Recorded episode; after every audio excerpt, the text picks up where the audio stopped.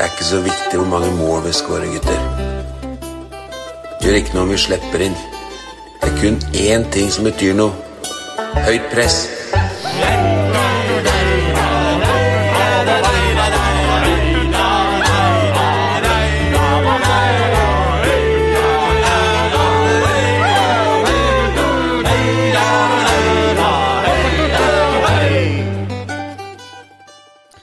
Ja da, ja da. Da er vi endelig tilbake igjen, vi.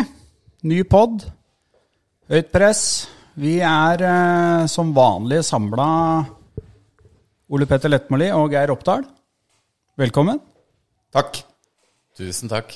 Og jeg heter Tor Asbjørnsen. Men vi har jo en eh, fjerdemann her i dag. Gjest for eh, andre gang for vårt eh, Vi er vel andre gang vi har gjest, er det ikke? Jan Remi Dalen, Tusen takk. velkommen. Takk for at jeg fikk komme. Ja, takk for at vi fikk komme til deg, egentlig. Vi er jo i nye lokaler. Ikke Ja. hjemme på gården hos deg, Ole Petter. Vi sitter jo faktisk i en eh, Det er vel VIP-losj, dette her, er det ikke? Det stemmer, det. Ja. Sitter på stadion, ja. Sitter på stadion. Skal vi skryte av serveringa, eller? Det er klart vi må jo det. Ja, jeg syns det. Vi starter ofte med det Ja. hos, eller, på Spæren gård, så Ja, Dra oss gjennom du da, Geir. Ja, vi ble servert en Remi her, rævcola, um, og ballerinakjeks og kaffe. Så det er helt nydelig. ja som du vet, så er det jo litt sånn uh, tunge tider økonomisk her, så det var, uh, var to sånne ballerina-kjekspakker for 15 kroner, tror jeg. For, uh, vi må tenke tilbud, vet du, overalt. Og vi fikk én. Ja, Ja, det er helt nydelig, det. Nei, men Bra. Jeg tenkte vi skulle starte litt, Jan Remi, med at du eh, kort kunne liksom dra oss gjennom litt uh, hvem du er, uh, og hva du gjør. ja. Vi skal gjøre det ganske kort, tenker jeg. Ja. Uh, nei, jeg er jo 33 år, da. Eller blir 33 nå. jeg er jo da spillelogistikkansvarlig, som det så fint eh, og langt heter. Ja. Eh, og eh, assistenttrener i Mjøndalen. Eh, sjette året nå. Så begynner jeg liksom å bli, eh, bli litt satt. Eh, fått meg leilighet nå i stadionkvartalet her. Så jeg bor jo veldig tett ved jobben. Um, Som resten av trenerteamet, egentlig. ja. Um, bor jo aleine, så klart. Um, ellers så er det jo, går det jo i jobb stort sett hele døgnet. Uh, når det ikke er jobb, så er det jo å se fotball på TV-en, stort sett. Uh, ellers så er det jo ellers er jeg jo glad i Jeg har jo en leilighet eller hytte på Beitostølen også. Så når vi har litt fri de få gangene vi har det, så liker jeg å være der. Ja. Gå på ski og fiske og ja, friluft og alt sånne ting. Uh, ja, Så det er på en måte kanskje litt sånn hobbyene utenom fotballen. Men når, men når du kom til Mjøndalen, så var ikke du spillerlogistikkansvarlig. Nei, stemmer. Da ble du ansatt som Nei, når jeg kom inn for seks år siden, så var jeg jo, ble jeg jo ansatt som U17-trener. Ja. Så hadde jo da de som da var 2001-kullet. Eh, og så jobba jeg litt på IFO på dagtid. Eh, og så jobba jeg litt med analyse rundt Vegard, da. Ja. Så det var liksom helt i starten. Um, eh, og så blei det jo fort eh, at jeg var kun med A-laget etter hvert. At den analysebiten blei jo på en måte litt mer og mer krevende i fotballen. Så det tok jo mer og mer tid. Så etter hvert så gikk det ganske kjapt, så var jeg jo inne på A-laget. Var dette førstejobben din i fotballen, eller kom du fra Nei, jeg kom jo fra Hønefoss, så jeg jobba jo der. Så min første trenerjobb var faktisk i Holværingen. I, eh, i femte divisjon, rykka opp til fjerde divisjon der. Så jeg var jo hovedtrener der når jeg var 22 år, så det var første liksom, eh, trenerjobben. Eh, Så var jeg jo, ble jo henta til Hønefoss etter det, da, så var jeg trener der på forskjellige aldersstudente lag og ja, litt rundt rekrutt og A-lag og sånne ting. Vi er jo en jævla Hønefoss-vennlig pod, vi. Faktisk. Ja, vi er jævla glad i Hønefoss, vi. Ja, Spesielt du, Ole Petter. Buskeruds Paris. Ja. Ja, det er Du, du er jo der jævla ofte. Ja. Ja, det er bra. Men eh, sånn fotballkarriere eh, Du har jo spilt litt fotball, da? Ja, var vel som veldig mange andre ung og lovende. Eh, spilte jo da i Hønefoss. Eh, Blei jo faktisk henta til Kongsvinger. Eh, Blei tilbudt skoleplass og kontrakt der sånn. Så jeg var jo der i ja, tre og et halvt år. Eh, Så var det tilbake igjen til Hønefoss. Så var jeg spilt litt der, og så blei det jo ja, litt skader og litt motivasjon og litt sånne ting etter hvert. Så ja, da blei det fort treneryrke isteden. Ja. Ganske tidlig. Men Kongsvinger, så da Det var liksom junioralder, da, eller? Ja. Der oppe? Ja, dro dit når vi begynte på videregående. Så ja, da jeg var 15-16, ja. Ja. Flytta jeg dit aleine. Litt sånn semiproff spiller Ja. Kongsvinger, da, altså. Litt sånn semiproff der. ja. Så det var det var, jeg gikk jo på skolen og sånne ting, så, men det var jo veldig fin tid, det, altså. Ja, da har du jo oppnådd mye mer enn det vi har gjort i våre karrierer. Nei, men Bra. Da har vi fått blitt litt kjent med Jan Remi. Eh, vi må jo begynne egentlig Jeg tenkte vi skulle ta litt sånn siden sist, men det ble droppa en nyhet i dag. Ja. Så må jeg egentlig begynne der, tenker jeg. Eh, da må jeg se papirene mine når jeg skal uttale navnet på han eh, vi signerte i dag. Han heter så mye som Leotrim Bekteshi.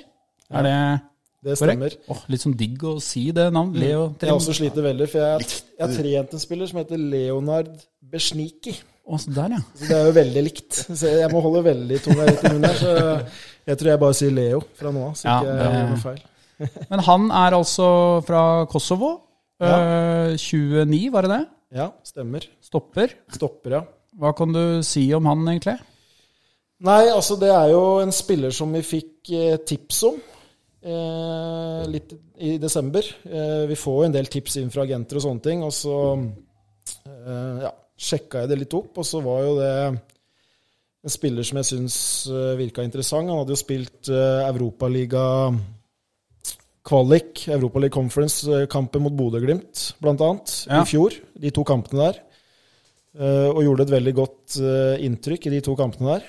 Eh, og så viste det seg jo da at han hadde en kone her i Norge, så han var veldig sånn flyttbar at han kunne komme hit. Eh, så vi hadde han med på trening.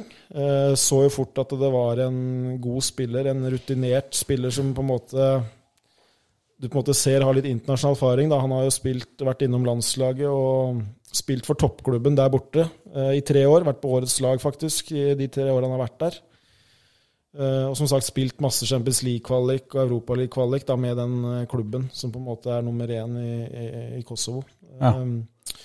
Og så har han jo spilt sammen med, med Yldren på landslaget i Kosovo, han som var her før. Ja. Yldren Ibrahimai. Så fått gode rapporter fra han på han, som type og alt mulig. Um, Ja, for dere sjekker sånn da når dere har en link, ikke sant? ja, ja, det må vi jo. Ja, Uh, sjekke alt vi kan av referanser, for, eh, mest på typen og sånn, for det får man ikke sett så mye på video når man ser spillere og sånne ting. Da, da får man jo ikke det inntrykket hvordan man er som person og Nei. sånne ting. Så der er det greit å innhente litt referanser, da. Så veldig solid eh, type. Han eh, kommer nok ikke til å være noe sånn altså hva skal jeg si, eh, litt sånn grå spiller, da, men i positivt fortegn. da, altså Han er ikke noe sånn som eh, ja, hva skal jeg si, Han har ikke noen spesielle svakheter. Han gjør på en måte jobben, er Ja. solid. eh, uten å være noe sånn voldsomt spektakulær. Så Vi trenger jo ikke det på stoppeplass, det? Nei, spektakulær stopper. Nei, så det, det er litt den gode, gamle stopperen, ja. hvis jeg kan si det. Eh, Det er vel ikke der vi savner den såkalte X-faktoren, kanskje? nei, det er jeg enig i. Men vi har jo allerede et par stoppere som er eh, som er veldig gode med ballen og litt sånne ting. da. Så, så, men man er ikke helt der, det er han ikke. Men han er på en måte den litt sånn typiske eh, eldre midtstoppertypen. Ja. Eh, så passer oss veldig greit sånn som klubben er nå, da, med ja, litt økonomiske hensyn vi må ta og sånne ting. Så er det en veldig, veldig fin løsning for oss nå, Ja. uh, på kort sikt, uh, å få inn. Så da har vi på en måte to litt rutinerte stoppere i han og Nakim, og så har vi to litt yngre i Sivert og Adrian. eh, Og en god konkurranse da mellom de fire. Ja. Tror du det kommer til å gå bedre med han i kjøringen enn han i fjor, eller? Det håper jeg. Eh, og det tror jeg også, da. Så ja. Han ble signert på ett år.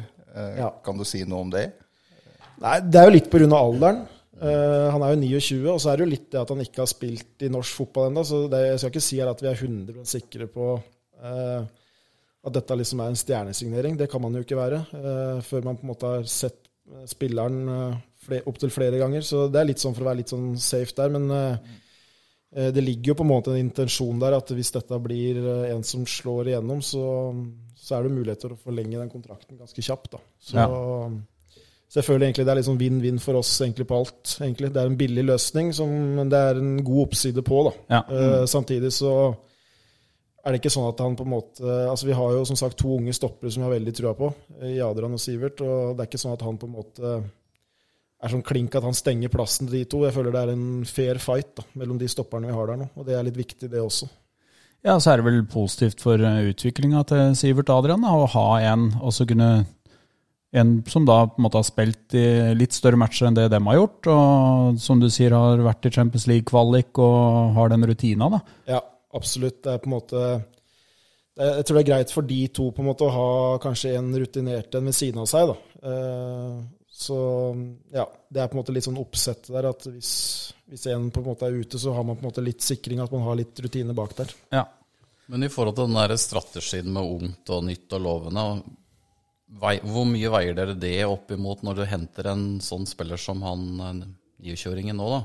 Nei, det veier vi veldig opp. Eh, vi har på en måte en strategi der vi har uh, hva skal jeg si, et oppsett der vi på en måte tenker at vi skal ha ja, fire til eh, fire til seks som kanskje er litt sånn etablerte, som kanskje er sånn 30, som på en måte er de som skal være litt sånn bærebjelkene i laget. Og det føler jeg vi på en måte har nå, da, med Makani i mål. Eh, og så har vi jo Sveen, Jokke, eh, Benny. Det at man har noen over 30, noen få, kanskje gjerne en i hver lagdel, eh, som på en måte er litt ledertyper. Og de må være ledertyper. Altså Vi henter ikke en på 30 pluss som ikke er det. Eh, Det må på en måte være en som på en måte går foran. Eh, Og så ønsker vi da å ha sju til ni som vi på en måte har kategorisert som sånn salgbare spillere, slash de som på en måte er litt sånn i prime-alder. da. Altså kan du si de fra 22 til 29. Ja. Uh, og i den aldersgruppa der så ønsker vi å ha noen få som er i øvre sjiktet der. Der har vi annet sånn som Martin. eh, som vi tenker liksom på sikt kanskje kan være en som da er her til han er over 30 og blir en ledertype etter hvert. Uh, og så har vi nå Leo. Vi har ikke så mange, og vi ønsker ikke å ha så mange i det sjiktet der, da. Vi ønsker heller å ha noen litt yngre i det sjiktet der, sånn som Isak, Albin, Meinert Ja, og, og Nakkim, ikke sant. Kleppa, som er på en måte litt i det sjiktet der. Og så har vi jo da ønske om å ha en sju til ni akademispillere. Så vi Ja. har på en måte en sånn trinn. Så når vi da på en måte nå mista Valstad, så var det naturlig å hente inn da en som var i det sjiktet der, altså mellom 23 til 8-29. Eh, og så skulle vi kanskje ideelt sett kanskje hatt en litt yngre, men så dukka dette caset her opp som på en måte var veldig gunstig for oss økonomisk, da. Eh, og som vi tror gir oss en soliditet. Så, så når Valstek nå, så var det på en måte ikke aktuelt kanskje å hente inn en unggutt, i og med at vi allerede hadde to der, og vi allerede nå har åtte, ni, ti unggutter i stallen, så vi må passe på at det ikke bare blir eh, unggutter, ikke sant. Så det er på en måte en brun tråd på det, da. Hvordan vi ønsker at sammensetninga i forhold til alder skal være i troppen. Ja, og så er det jo vel fortsatt en usikkerhet i forhold til nakken. da, Hva skjer med han? ikke sant? Altså det, Ja. han, Mest sannsynlig så signerer vel ikke han noen ny kontrakt med oss, i hvert fall. Sånn, Nei, det, er- det er jo på en måte det som har vært eh, signalene. og Det er jo derfor vi også har eh, prøvd litt nå, og se om vi kan få solgt han. Og så har vi vel fått litt indikasjoner nå på at eh, han kanskje blir her nå til sommeren. At han på en måte har slått seg litt ro med det, hvis ikke det dukker opp noe sånn helt spesielt. Ja. Eh, og det er jo litt sånn tosidig. altså det er jo klart, eh, Jeg mener jo at han kanskje er en av eliteseriens kanskje sånn, i hvert fall topp sju-åtte kanskje beste stoppere. Så det å ha med han nede i Obos fram til 31. juli er jo på en måte en oppside. Ja. Så har vi jo ikke helt gitt opp det. altså hvis, hvis vi skulle gjøre det veldig bra, vi ligger i toppen der og ting er rosenrødt, eh, så har vi på en måte ikke helt gitt opp det. da. Nei. Eh, Hvis han ikke har funnet noen ny klubb, så Så det må folk bare vite, at vi har jo prøvd nå i to år på å signere ny kontrakt med han, Ja. og tilbudt ganske, ganske god premisser for det. Så det er jo en spiller som vi har hatt lyst til å ha med videre. Så, Ja. men, Ja, det er et Godt poeng du er inne på der, for ting snur så utrolig fort i fotballen. Ja. Sånn at Hvis du plutselig er med der oppe da, til sommeren, da, Mm. så kan det jo hende at Nakim har hatt lyst til å vært med på den ja, det kan hende. når, du- når du kommer dit, liksom. Hvis den allikevel blir til sommeren. det Mm, Fordi Nakim har vært veldig tydelig på det at han trives jo 100 her òg. Og det er Ja. derfor han på en måte kanskje ikke hopper på Hopper på noen av de tilbudene han har fått også, da.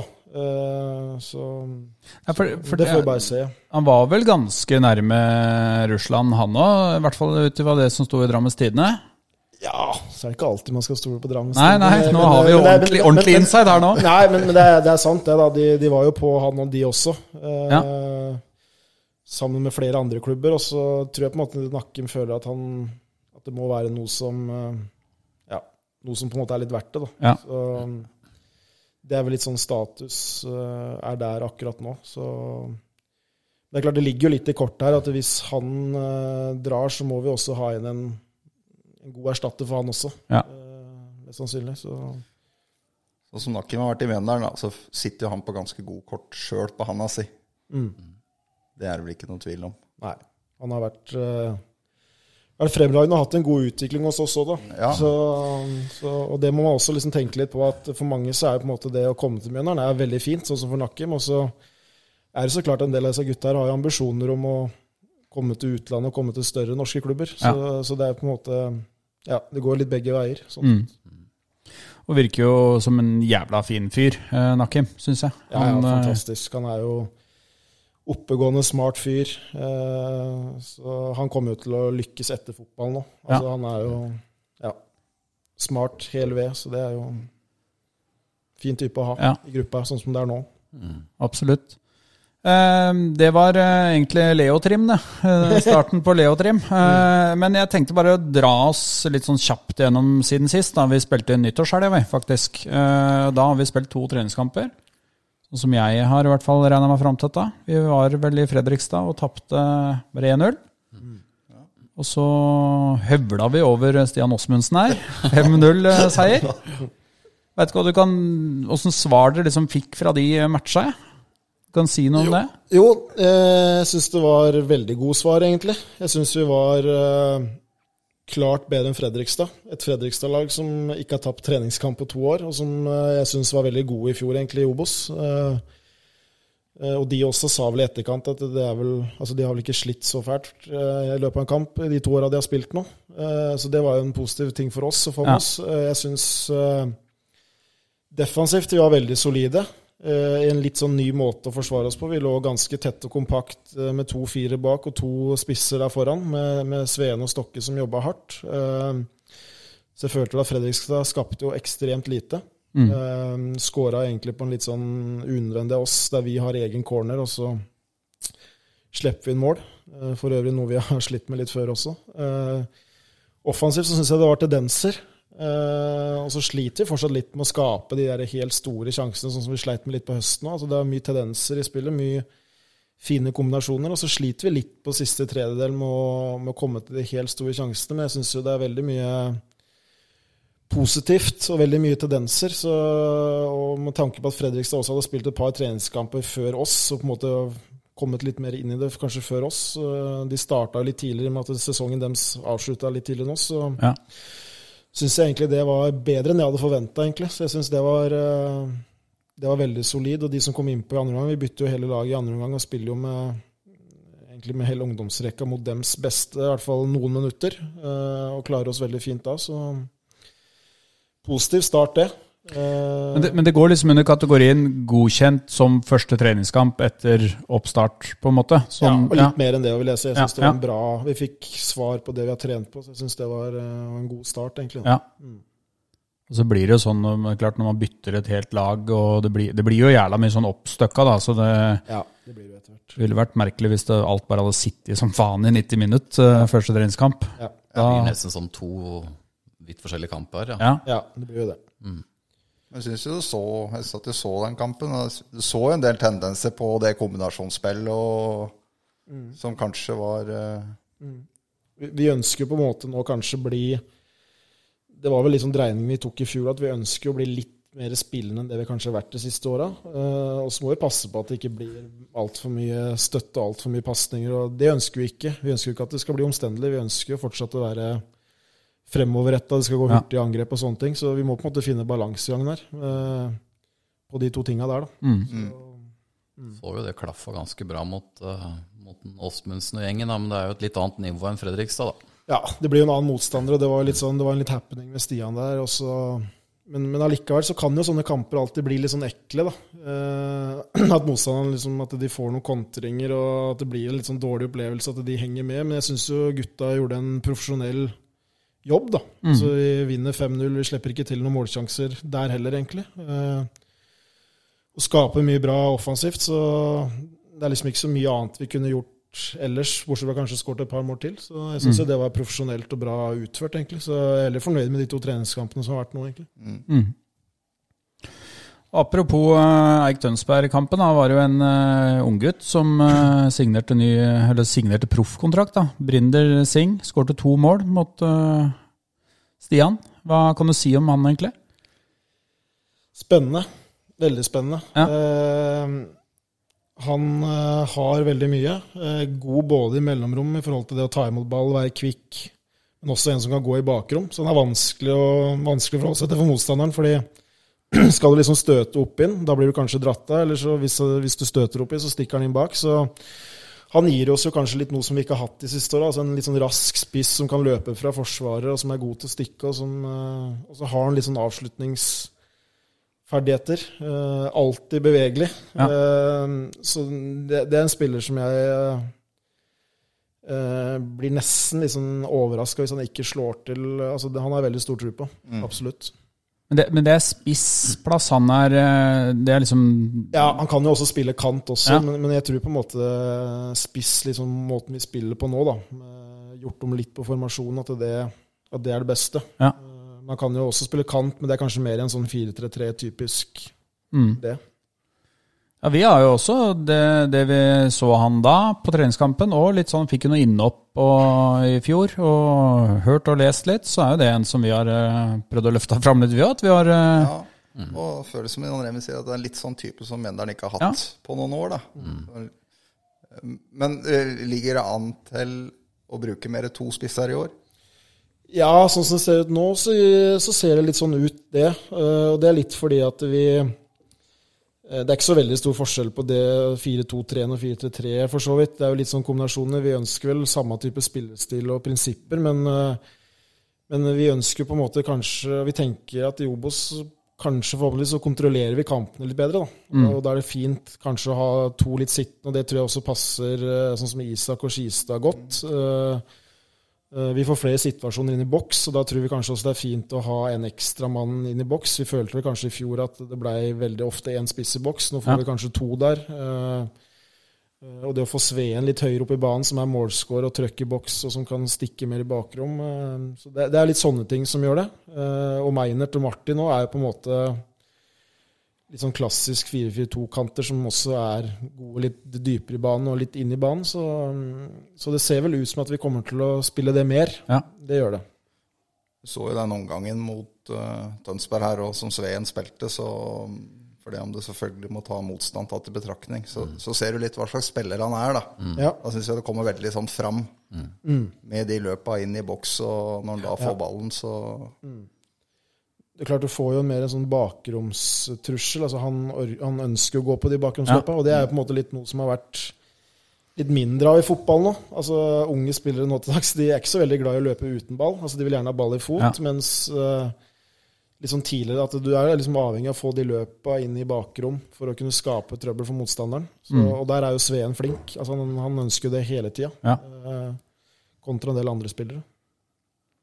Ja, Han noterte seg vel for to goller, gjorde han ikke? Før han gikk av til pause. Eller i hvert fall gikk av. Så, men vi har gjort enda en signering, vi. Jokke. Jokke. Han ble jo først klar på nyåret, faktisk. Ja, vi må jo ha med Jokke videre. Ja. Han, er jo, han er jo på en måte Men i ny rolle? Han skal sitte litt oppe på kontoret her òg? Ja, det tror jeg er eh, fint for han. Eh, å begynne å tenke litt på hva som skjer etter karrieren også. Og Jokke er jo på en måte en mann som vi vi ønsker å ha med videre i klubben. Altså Han er på en måte blitt et litt sånn, om ikke symbol, så er han i hvert fall blitt en sånn kulturbærer i klubben og et ansikt utad. og mm. Jeg tror på en måte det å få med han litt inn der også, rundt sponsorer og, og sånne ting, tror jeg er positivt for klubben. da. Uh, så det er jo litt sånn, Vi ønsker på en måte å ta vare på de som har vært her i mange år. da. Det ligger jo litt sånn i mjøndalskulturen, det, føler jeg. At ja. man tar litt vare på de som på en måte har gjort en jobb her. så det er ikke noe hemmelighet det at vi har på en måte ønsker, og vi ønsker på en måte å ha med Åsmundsen og Gauseth og disse her uh, videre. Mm. Uh, og Så er det ikke sikkert det passer akkurat nå, men om kanskje et års tid eller uh, videre. At man ønsker å ha de videre i klubben på en eller annen måte. Ja. Så jeg tror det er viktig å ha med oss de. Så, mm. Og Jokke gir oss jo på en måte Eh, på en måte litt rutine, så klart, i laget. Eh, litt spisskompetanse i forhold til dødballer eh, og sånne ting. Men også det at han er veldig viktig inn i garderoben. da. Ekstremt flink med de unge spillerne. Ja. på litt annen måte enn det kanskje andre er. Eh, Åsmundsen er jo en fantastisk fyr, men kanskje litt mer sånn stille og rolig. Mens Jokke er en sånn eh, fin måte å stille krav på da, til de unge. Eh, på en veldig fin måte, som jeg tror eh, er sunt for den gruppa som er der nå. da, å Ha med han videre. Og ikke minst en uh, vinnerskalle, vel? Skikkelig, er han ikke det? Jo, absolutt. Uh, han er Stiller krav, han. Ja, veldig opptatt av å vinne på trening. Og, og det er også viktig å ha med seg, ikke sant? Det å lære de unge det der. Ja. Så, ja, og så syns jeg han hadde en god høst, egentlig, også. Ja, helt enig. Uh, tok steg der. Uh, og han er sånn som alltid i jobben, kommer jo tilbake nå altså, i veldig god form, selv om han på en måte egentlig ikke hadde kontrakt og sånne ting. Det er fort gjort at du kanskje Ja. slapper av litt mer i ferie, men han kommer liksom tilbake igjen uh, i god form og viser liksom en gang at jeg er med, liksom. Så det, så det er viktig. Det er bra. Jeg har gjennomført vel løpstest her uten å være under kontrakt, så da Ja, er du ivrig, da. Jo, men det, det sier jo litt om han òg. Ja, det, det er mange som ikke hadde giddet å stilt opp på det, liksom. Så det, så det er litt den typen der, ikke sant, som, som er viktig. Ja, vi er veldig fornøyd med å få med jokeren videre, er vi ikke det? Jo, kjempebra. Og særlig da når Hospundsen ikke blei med videre. Og tenker Ja. jeg da, så at du har med noen av de kulturbærerne, det Viktig. Ja. vil jeg tro er viktig. Men sånn, det var på en måte de to som ble eh, annonsert. Da. Altså, de var jo i klubben, i hvert fall Brinder var det, og Jokkeren lå vel litt i korta. Men jeg bare tenkte på eh, de to som har kommet inn nå, altså Kinn og Meinert. Kan du si noe om åssen dem har liksom vist seg fram nå? Ja, for de to er litt sånn fort gjort å glemme litt, da. Ja. For de ble jo henta i sommer. Så lenge siden.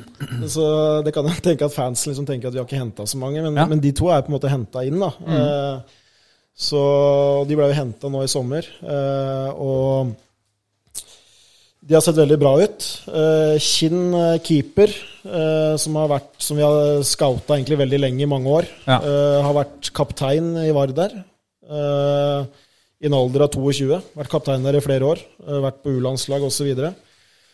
Uh, er jo en veldig spillende keeper. da, Veldig Ja. god med ballen i beina. Det er jo litt det som vi snakka om, det med litt sånn i forhold til spillestil og måten vi spiller på og sånne ting. Så uh, er jo det en keeper som vi ser på litt spennende, som Ja. har litt andre kvaliteter enn det kanskje Sosha har, da, som er uh, kanskje ikke så god med beina som det Kinn er. Uh, og så kanskje det gjør at Sosha også blir bedre med ball i beina. Så det er på en måte henta litt med tanke på måten vi ønsker å spille på. Da. Så Mm. det blir spennende å se om han kan ta den første keeperplassen. da.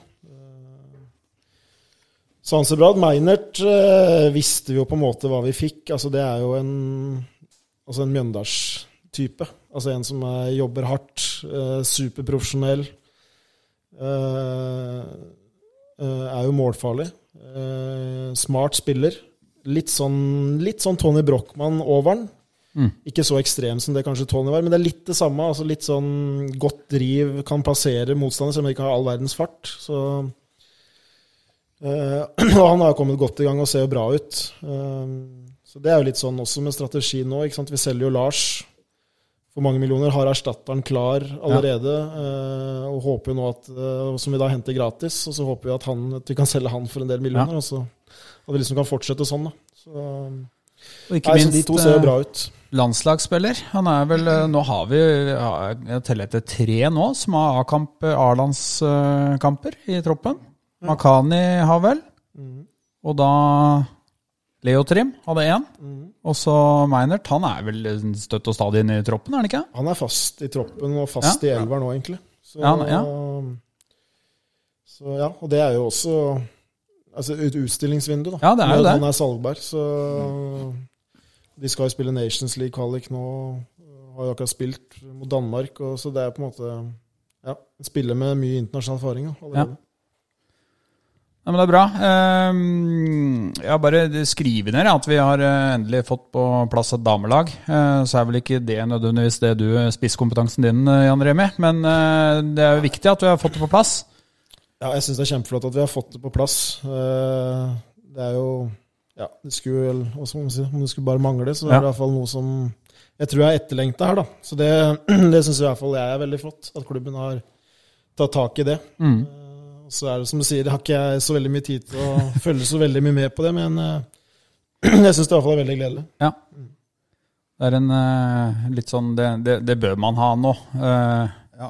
som en Obos-klubb. Så det er bra de har fått satt i gang det. Så det starter vel opp i fjerde div, er det det? Ja. Jeg tror det. Ja. Så da er det rett opp, da? Det er rett opp. Ja, må det.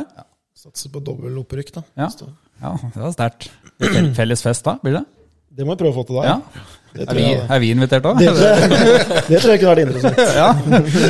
Eh, ellers har jeg skrevet da, at vi må jo på en måte dra oss gjennom eh, de to som Altså Lars Olden da, og Valstad ut. Eh, penger i kassa. Eh, rekordsalg, vel, på Lars Olden. Ja. Det, det lå, jeg tenkte liksom sånn Nakkim ryker vel før Olden, tenkte jeg. Hvis du liksom leste avisene. Men Olden gikk først. Ja, det, det er jo litt sånn det er. Altså, det har jo vært interesse for alle tre alle tre ganske lenge. Og så, ja, så blei det til slutt Olden og Valstad som gikk før Nakkim. Ja. Så det, vi hadde vel ikke trodd det, kanskje vi heller. Men eh, nei, så vi er veldig fornøyd med det. da.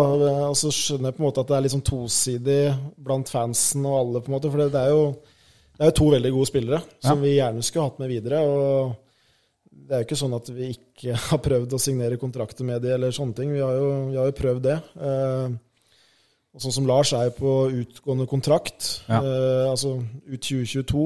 Eh, hadde jo en veldig god sesong på høsten i fjor, da. Eh, hvor han hadde vel ti målpoeng eller noe, tror jeg. Eh, så det er liksom eh, Det er klart han også Det er klart Da så har du på en måte lyst til å ta neste steget. Ja. Så, så vi ønsker på en måte ikke å stå sånn i veien for det heller. Eh, og når vi da fikk en såpass god sum, da, som er jo klart klubbrekord her Ja.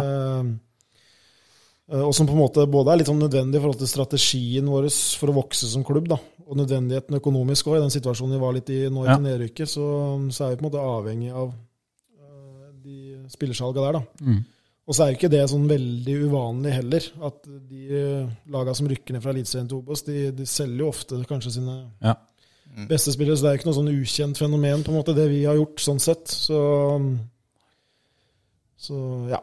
Så det, det er jo liksom litt det vi som er på en måte strategien nå. Ikke nødvendigvis det å liksom selge Valstad for eh, ja, for noen få millioner, liksom. Det, altså, vi ønsker på en måte å komme opp der som selgende klubb at vi kan for selge Skistad for ti. ikke sant? Ja. Men, men det er på en måte en start. Og for oss så på en måte så syns jeg det er viktig at vi at vi får de millionene, da, kontra at vi ikke får noen. Ja. Uh, vi har på en måte gitt bort Linseth, Spellegrino, Vetle, som på en måte vi har ikke fått noen ting for. Mm.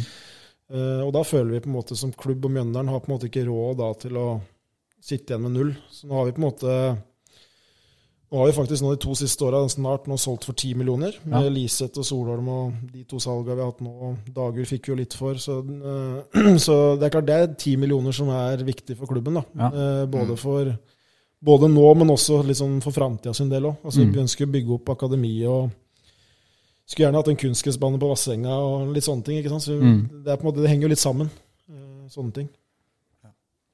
Hva tenker Ja, dere? sånn i, ja, Olden? sånn i Olden sin Ja. tilfelle, altså, når du sier han hadde kontrakt ut 2022, da, så da skulle du ikke venta så jævlig lenge før han var verdiløs for Mjøndalen, for å si det sånn. Da, da plutselig så forsvinner han òg gratis. Så synes jeg er helt riktig. Og, og så har du noe med å vise at uh, det går an å komme til Mjøndalen og utvikle seg som fotballspiller og, og få ei utenlandskarriere. da. Ja. Ja, Det er et viktig signal med å sende ut. signalene å sende ut der òg, da. Ja, helt riktig. Det er akkurat noe med det også. Hvis man liksom skal tvinge spillere til å være her, så tror jeg det kan skape litt sånn dårlig Du lokker Dårlig vel ikke flere spillere med Nei. å Ja, for sånn sprer seg vel ganske kjapt i et litt sånn lite fotballmiljø. Hvis dere hadde bare Nei, for faen, du skal bli, og Ja. da sprer det seg. Ja. Gjør ikke det? Jo, hvis man er vanskelig sånn, så tror jeg det, tror jeg det fort sprer seg. Så det er klart, Vi må jo tenke på oss sjøl, hva som er best Ja. for klubben. Ja, ja. Så når vi da først fikk de pengene som vi var fornøyd med, og som vi Altså Vi har budsjettert med et visst antall millioner i spillersalg i år. Mm. Så, så det er på en måte, vi var på en måte avhengig av å gjøre det òg. Mm. når vi da fikk den prisen som vi var fornøyd med, og som du, som du sikkert har skjønt, så var dette ganske lenge siden det kom ut i avisa at de var interesserte. Så det er ikke sånn at vi har Det har vært en ganske dragkamp i Ja. en del måneder her for å Ja. få skvisa ut eh, det vi har fått. på en måte. Så Kan du si noe om det, du som har sitter med dette? Hvordan Prosessen og sånne ja, ting? prosessen. Ja, du kan jo si sånn som med Lars, så er jo det eh, Det med russisk klubb er jo alltid litt spesielt, da. Eh, Men det er klart, vi, vi begynte jo den prosessen kanskje litt før nyttår, i og med at han hadde en god høst, og vi følte på en måte han var på utgående kontrakt. Eh, Vi fikk liksom signaler at det å signere ny kontrakt var vanskelig. Så da følte vi at da må vi prøve å selge den. Og det er jo litt sånn, da jobber vi jo aktivt, både jeg og agenten hans, egentlig, da, ut mot klubber. Ja, For da er liksom dere på samme lag, på en måte, du og agenten, eh, på et vis? Ja, akkurat i det tilfellet der så har det Ja. vært god dialog på det. Ja. Så er det ikke alltid det er det. Nei, nei. Men akkurat i det tilfellet her så har det vært en, en felles forståelse for det. da. At, Ja. vi, at vi jobber sammen mot det. da. Eh, Så det har vært et godt samarbeid. Eh, Og så har vi da fått den russiske klubben på banen. Og så har det vært veldig mye fram og tilbake da, eh, med forhandlinger og sånne ting som har tatt veldig lang tid. Og det, det går jo litt på det at vi eh, først og fremst ønska å få hele summen nå. Ja. At det var også litt viktig, både fordi det var en russisk klubb der man kanskje har hørt litt sånn eh, at det er ikke alltid sikkert du får alle penger, og det er litt sånn usikkert alt det der. Og så er det jo litt det med ja, liksom det trappetrinnet, at vi fikk alt med en gang, at det var litt viktig for oss. da. Ja. Eh, så det gjorde at ting tok litt tid, og de, de ville jo ha en voldsom delbetaling. Og så Ja. var det veldig viktig for oss å få inn eh, godt med vi- videresalg. da. Eh, så vi har jo nå fått inn en god videresalg også hvis han blir solgt videre fortsatt. Ja. si hvis han da går fra Russland her f.eks. til Molde, da, så får vi prosenter. Hvis han da går fra Molde ut igjen til en annen klubb, så får vi fortsatt den, den samme. Så, Ja. Så, det har på en måte vært også en viktig del for oss òg. Eh, det å kunne få videresalg i, i framtida. Så, så det har vært veldig mye sånn fram og tilbake der. Er det vanskelig å få gjennom, liksom? Sånn, er, altså, blir dere enige om summen, tot, altså totalsummen? Da? Trenger du å si hva den er, men, men så er det ting inni der dere sitter, altså delbetaling, eller vi skal ha så mye sånn, men, men hovedsummen er dere egentlig enige om? Ja, det er ikke, ikke alltid det, kanskje. Men Nei. det er sånn som de kanskje ønsker det at, uh, at vi skal få så og så mye penger hvis de holder seg. Uh, Ja, at vi skal få så og så mye penger hvis, når han har spilt 20 kamper. og- Ja. Men det var på en måte ikke vi så interessert i. Vi ville ha alle penga nå med en gang. Uh, og så har det vært også veldig mye utfordringer i forhold til Lars og klubben. da, I forhold til det å bli enige der. Ja. En sånn morsom historie der var jo når han fikk kontraktsforslag fra de, så var det på en måte 30 punkter fra, fra den russiske klubben. okay. Blant annet med hvis han på en måte ikke fulgte kampplanen til treneren, så kunne de trekke den i lønn. Eh, Altså Det var masse sånne punkter. Hvis han ble sett ute på natta, så kunne de trekke den i lønn. Så, det var en kjempeprosess der òg, da. Ja. Med, med Fifa-advokater for å se på alle de punktene her. og eh, og så løste vel det seg heldigvis til slutt. da. Eh, Så, men det, det har vært en lang prosess eh, sånn sett. da. Men det er jo det er litt spennende å høre hvordan sånt foregår. Da. Det er ikke så ofte vi selger spillere ut eller utlandet. Men, eh, men eh, sikkert et jævla dumt spørsmål. Hva, ah, går, alt, går alt via agenten, eller er det altså, Kjører dere mail? Ringer dem disse Ringer Russland deg? Eh, Jeg har vært litt i kontakt med sportssjefen i Russland, ja, men det Ja. meste har gått via agenten ja, til Lars, som har gått via dem. Ja. Så det varierer jo litt i hvert tilfelle, på en måte. Så Som som Valstad, så var det mer meg og sportssjef Haugesund som på en måte var medielag uten agent. Så, Ja. så det, det går litt sånn Det spørs litt fra case til case. Men jeg tror på en måte når det er mest utenlandsk, så er det på en måte en sånn at Agenter ofte er litt sånn mellommenn akkurat der, da. Ble du varm i magen når du så det ringte, og så står det Russland under? Du tenker jo det er eh, Faen, er dette Da blir du varm i magen. Ja, ikke sant? ja. ja. Kan bli det. Ja, men Bra. Eh, Da har vi dratt gjennom egentlig det som har skjedd siden sist. eh, Og da er vi egentlig litt sånn over på lytterspørsmål, altså. Det var jo en god del av dem òg. Ja, det var Kjempebra. bra med, bra med spørsmål. Skal jeg eh, starte litt, eller? Ja, det syns jeg. Ja. Vi begynner da på toppen. Arild Hoen han går rett på sak, han faktisk. Hvordan syns du selv at dere traff med hentinga av stoppekjempen Daniel uh, Javnevski? Og kan han være en aktuell forsterkning når de andre nå forsvinner? Det kan han i hvert fall ikke. Eh, Det er jo fordi han eh, faktisk har lagt opp. Ja, så Er han agent blitt? Han har blitt agent, ja. Så faktisk eh, vært agenten nå til Yldren. Jeg så det var der jeg snappa opp, skjønner du. Ja, som, så han har blitt agent, ja. Så det, han er ikke aktuell, men jeg tror ikke han har vært så veldig aktuell ellers heller. Nei. Så det er noen ganger man bare må legge seg flat Ja. og si at uh, der bomma vi. Mm. Uh, og det gjorde vi der. Det, det var synd, det, for det, det Fantastisk type.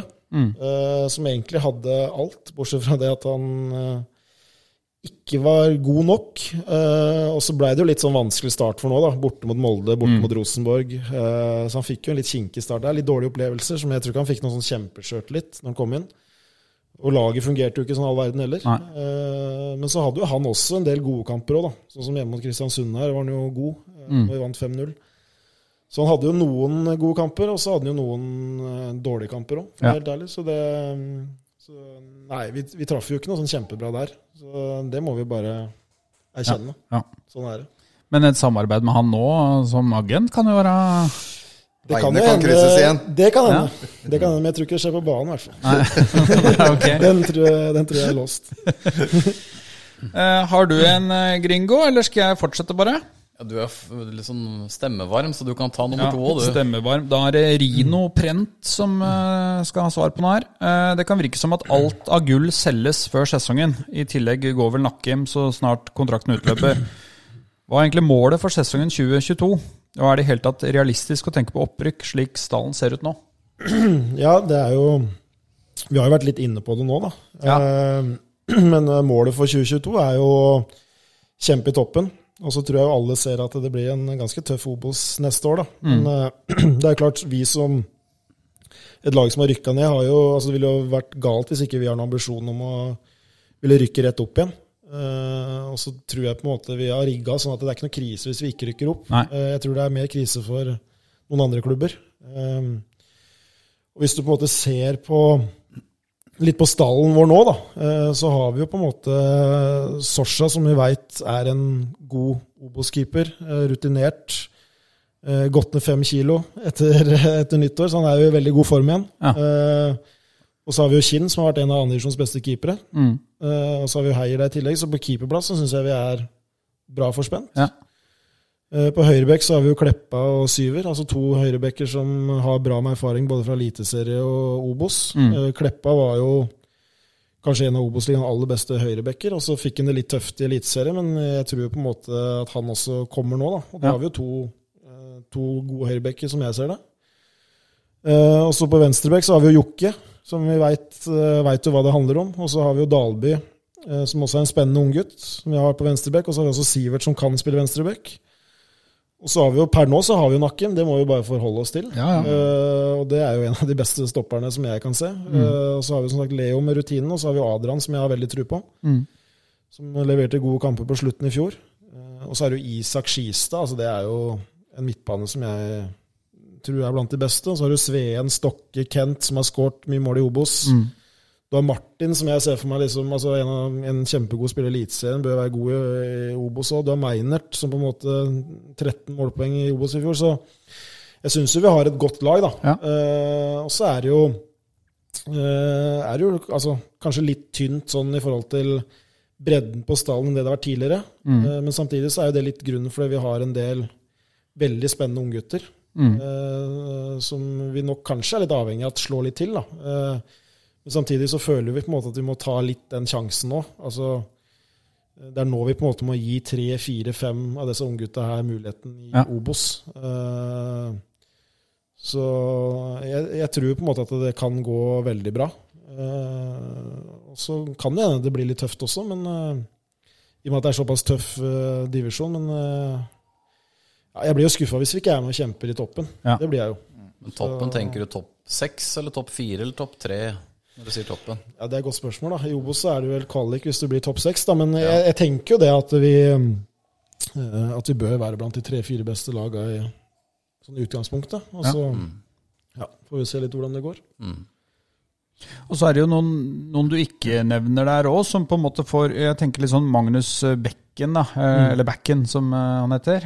Også mm. Frank er jo også Det er litt sånn avgjørende sesong for dem. Har vært der ganske lenge. Dem, og, og stallen er på en måte blitt mindre, kanskje veien kortere for dem. Dem òg har jo en ypperlig mulighet til å vise seg fram, sånn Ja. som jeg ser det nå, da. Ja, de har en kjempemulighet nå, og de, de fortjener på en måte å få den muligheten til å vise seg fram. Fordi det har ikke vært for mange av de sjansene de siste åra. Eh, og nå føler vi på en måte at vi har eh, de spillerne og de typene da, til å kunne virkelig kanskje satse på de unge her nå. Da. Så jeg, men det blir ikke sånn at det blir en elver her bare med unggutter. Men jeg Nei. tror sånn som Syver, Skistad, Adrian, eh, Brinder altså De fire tenker jeg er liksom som spillere som kan være med å prege laget. da. Og så har du sånn som Magnus, Frank, eh, Dalby, Siver altså Du har mange av de unggutta bak der som Ja. kan spille en hovedrolle òg, da. Men det er klart, framover i banen så er ikke det lettest å spille seg inn i Mjøndalen sånn akkurat nå, for de yngre, kanskje. Det er, Nei, det er altså- mye bra spillere framover, føler jeg, i Mjøndalen nå. Det er mye bra spillere, og så er det jo ja, Sånn som Sveen veit vi er litt skadeutsatt, Ja. Eh, så, så, så vi må jo på en måte ja, håpe at det går bra. Eh, Så ja, Nei, det, det blir spennende å se. Men jeg, jeg føler på en måte at Jeg skjønner på en måte fra, fra kanskje litt fra tilskuerne og supporternes eh, standpunkt at det kanskje ser litt tynt ut, for det er kanskje en del land man ikke har hørt om, og litt sånne ting. Men, eh, men eh, samtidig syns jeg vi har en veldig god elver på papiret, eh, og et par-tre innbyttere bak der som har bra erfaring, og så har vi flere spennende unggutter. um, jeg er optimistisk da, med det vi har nå. Ja, så har vel vi snakka om uh, før her, eh, Geir Ole Petter, at det er jo ikke sånn at hvis vi ikke går opp, så Ja, slutter vi å komme på kamp. Nei, altså det er jo ikke krise, liksom. Nei, sånn, ikke. Og når du òg sier det, at vi har, liksom, vi har rigga oss til at det, det, det går greit, det, på en måte. Og at man kunne Vi er, vi er ikke som Brann, da, som på en måte De må jo på mange måter opp, og til dels også Stabæk, når jeg leser økonomien der. Så Det er vel ikke en desperasjon her i Nei. klubben. Nei, ikke på samme måte som de. Eh, jeg tror, og jeg tror de laga, som du sier der, gambler mer òg på å rykke opp. Ja. Altså, de bruker kanskje litt mer penger enn det de ikke har, og ja. sånne ting, men det ligger på en måte ikke i vår natur her. Så ja. Men Det er lettere i Bergen blant annet å gamble med penger du ikke har, for der dukker alltid penger opp. Alltid Eh, I store byer så gjør det det, ikke Ja. sant? Ja. Det er ikke sikkert det gjør det her i lille Mjøndalen. Nei. Så Men jeg, jeg tror liksom Ja, vi, vi klarer, vi, å være i favorittligaen vår i et par-tre år, vi. ja, absolutt. ja, det går veldig fint. Eh, Jeg tror og nesten litt ja, Kan vel nesten ikke si at du skal rett opp i år i den Obos-ligaen i år. Det syns jeg ville vært nesten litt blåøyd å tro det at mm. med de laga du skal spille imot Vi skal iallfall gjøre alt vi kan i hvert fall for at Ja. vi Ja.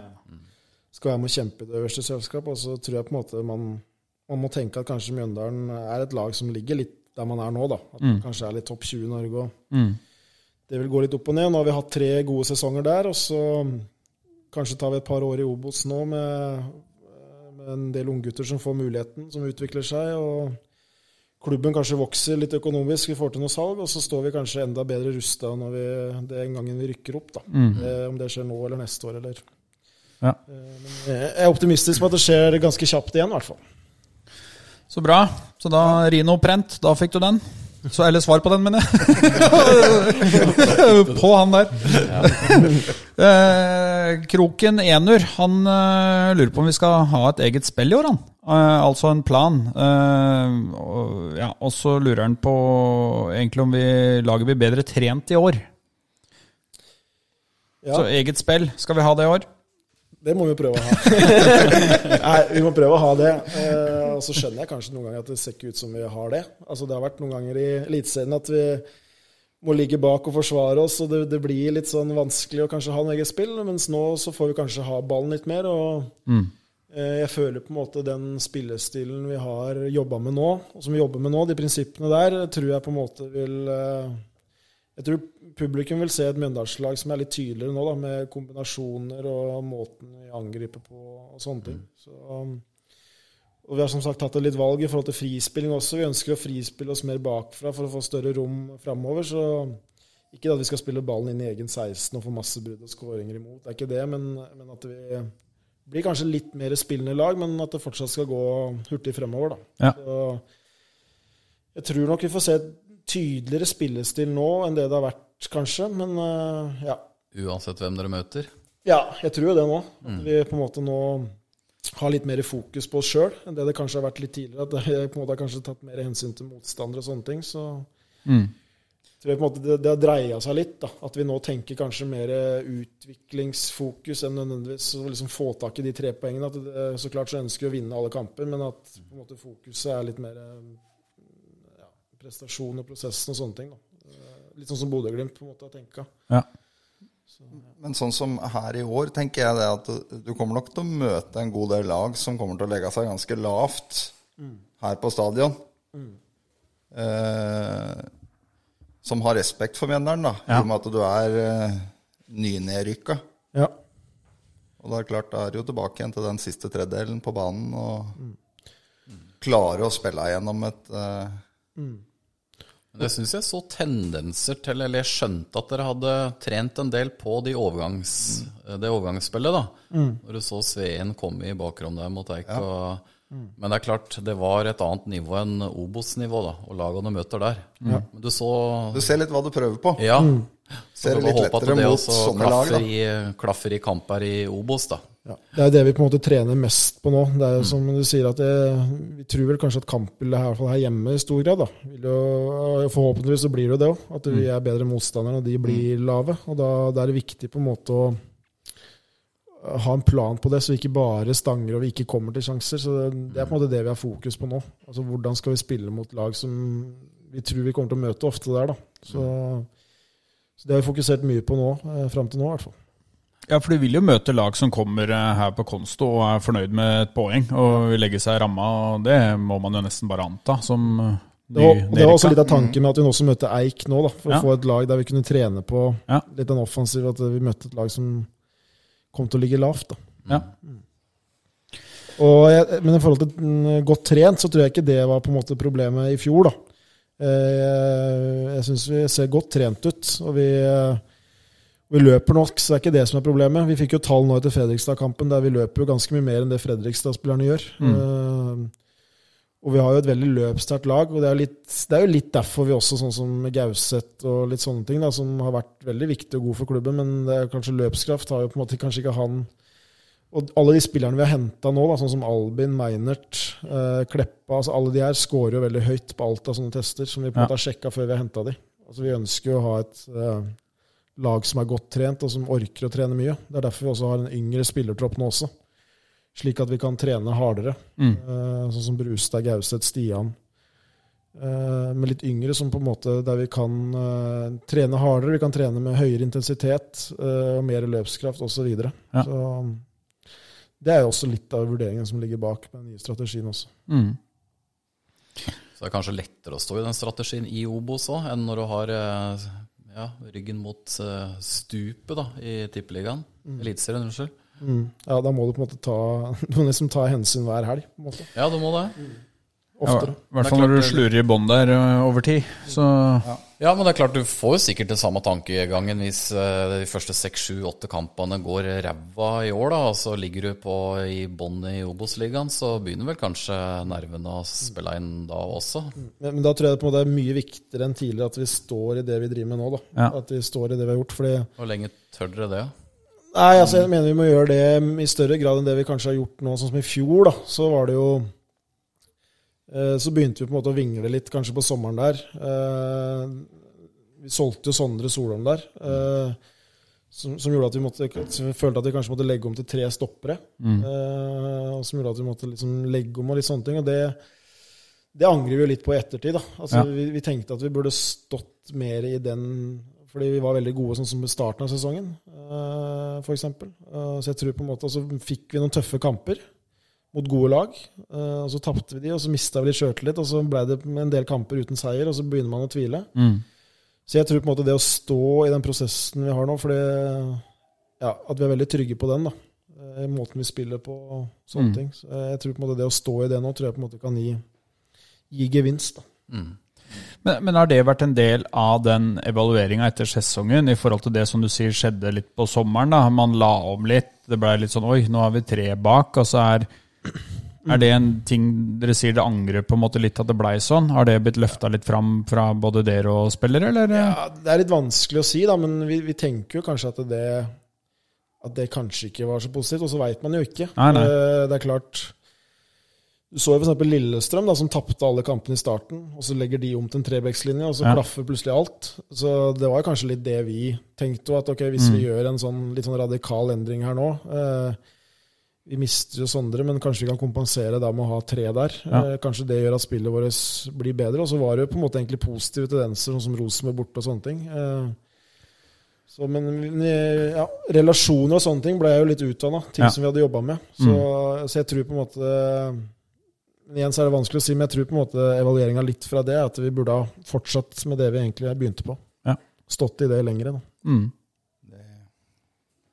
Tror jeg de fleste er enig i. Ja.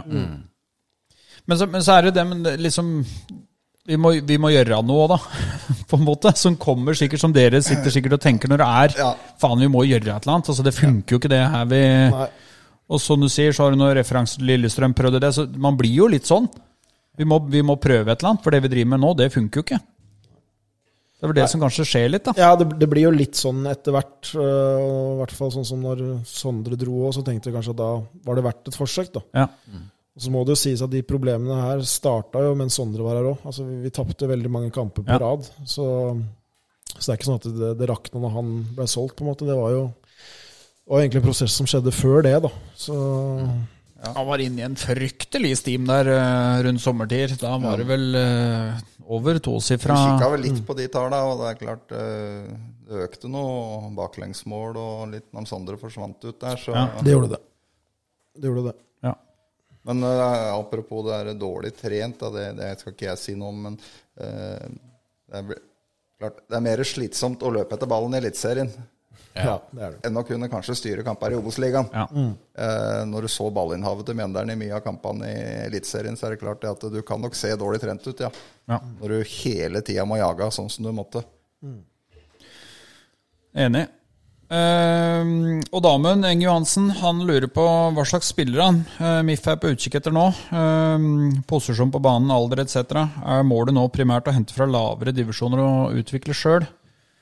Eh, ja, vi har jo også vært litt innom det her, da, men eh, jeg tror jo sånn som for Mjøndalen så vil det alltid være aktuelt å hente spillere fra lavere divisjoner som man kan utvikle. Jeg Ja. tror på en måte det alltid ligger litt i Mjøndalen at man at det er et viktig felt for oss. At man kikker etter spillere i andredivisjon, at man har god kontroll på det. Eh, Man har jo lykkes veldig godt med å hente spillere Ja. fra lavere divisjoner. Eh, Hvor langt ned kikker dere? Eller sånn? Dere tar med tredjediv òg? Ja, Ja. vi gjør jo det. Eh, Vi henta jo sånn som Sivert Ja. hentet fra tredje divisjon. Ja. Så, og tredje divisjon har jo blitt mye bedre. Ja. Så vi følger jo litt med der. Og, vi, og vi, andre lag våre spiller jo i tredje divisjon. Ja. Så, så vi møter jo en del lag og en del spillere der sånn. Men eh, det er klart du skal jo være ganske god i tredje divisjon eh, for å gå eh, opp til en topp Obos-klubb, på en måte. Eh, så det er veldig få av de tilfellene der, da. Ja, For da er det primært unge, på en måte, da? Som, ja, ja. det er jo det, og de er jo ofte i toppklubber. Ja. Så, så det er jo vanskelig å hente spillere derfra, da. Ja.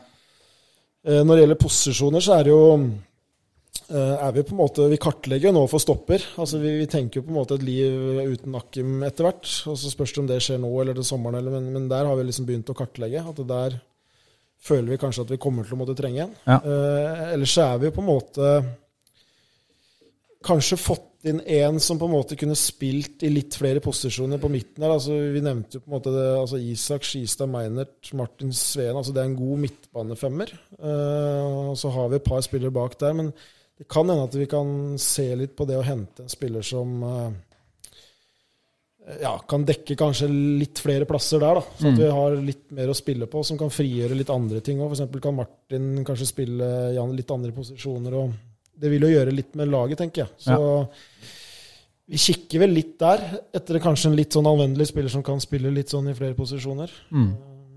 Så det er vel akkurat sånn det er nå. Men er, er det primært i Norge eller Skandinavia da, som er eh, Eller er det Det er på en måte det som er hovedfeltet vårt, for Ja. det er på en måte der vi har størst kontroll. Ja. Eh, men så følger vi jo på en måte med hva som skjer utenfor Norges grenser òg. Ja. og så ser vi jo det at det er jo en del norske klubber som har treffet bra med å hente afrikanske spillere. Mm. Det, det har også gitt penger i kassa, på en måte. Mm. Eh, så vi har jo på en måte begynt å se litt på de mulighetene som ligger der, da. Eh, men det er litt tidlig ennå. Men, men eh, Det krever vel litt mer. det krever litt mer, det gjør det. Ja.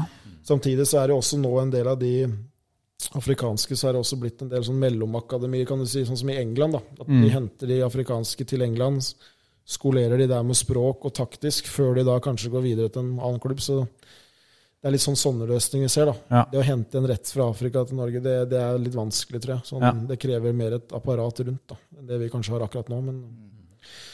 Så nei, men vi driver og følger med på Ja. hva som skjer, ja.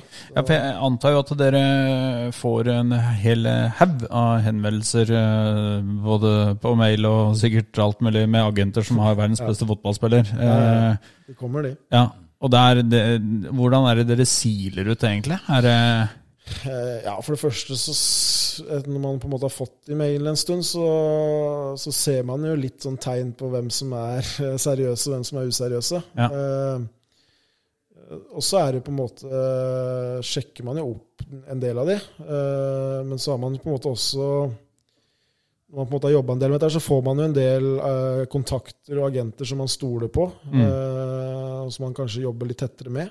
eh, I forhold til spillere og sånne ting. Ja. Så det er på en måte de kontaktene man stoler på, Ja. og litt sånne ting òg.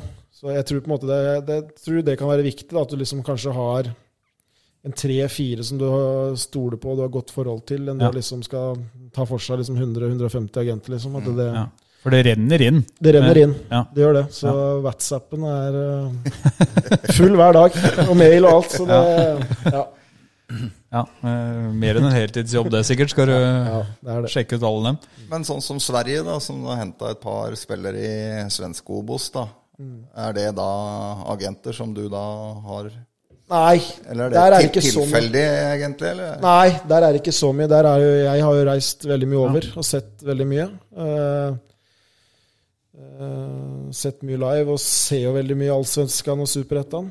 Uh, på Wisecout og TV-en osv. Um, så sånn som akkurat i Sverige og Danmark, så på en måte føler jeg vi har ganske god kontroll sjøl. Ja. Eh, der trenger vi på en måte ikke å bli spilt inn. Der er det mer at vi styrer og på en måte kan hente referanser fra andre. da. Eh, agenter og scouter som vi kjenner. Eh, mens det er klart, spillere som er på en måte utenfor Skandinavia, har vi jo ikke sånn kjempegod kontroll på akkurat nå. Det tror jeg på en måte er mange klubber som ikke har mulighet til å ha. Men det er sånn som Mjøndalen er nå, da. Mm. Liten klubb. Så jeg tror på en måte vi må sikte oss inn på å være veldig gode i Norge og Sverige og Danmark. Ja. Og Island og f- altså de som på en måte er nærmest oss, da. Og Færøyene. Og, hel, ja, og Færøyene. Eh, og på en måte snevre inn der og være veldig gode i de områdene der. Ja. Og så tror jeg på en måte ikke vi skal bruke altfor mye tid på de andre tida. Heller bruke all vår tid på de felta som vi kan bli best på. Da. Ja. Så. Nei, men Bra. Eh, Da fikk eh, og damen svar på det. Eh, Bent Halden Jørgensen han lurer på hva er filosofien rundt det å være sel selgende klubb. Gjelder det for enhver pris? Så slenger han med et eksempel her. Det var en klubb i Drammen som før 2021 henta Valsvik for en relativt høy lønn. Noe som i stor grad gjorde at de holdt plassen. Den lønna var liten i forhold til hva de ville tape ved nedrykk. Til sammenligning solgte vi Sondre for en relativt lav sum, noe som kan ha bidratt til nedrykk. Eh, Nedrykket førte vel med seg mer penger tapt enn den summen vi fikk for Sondre.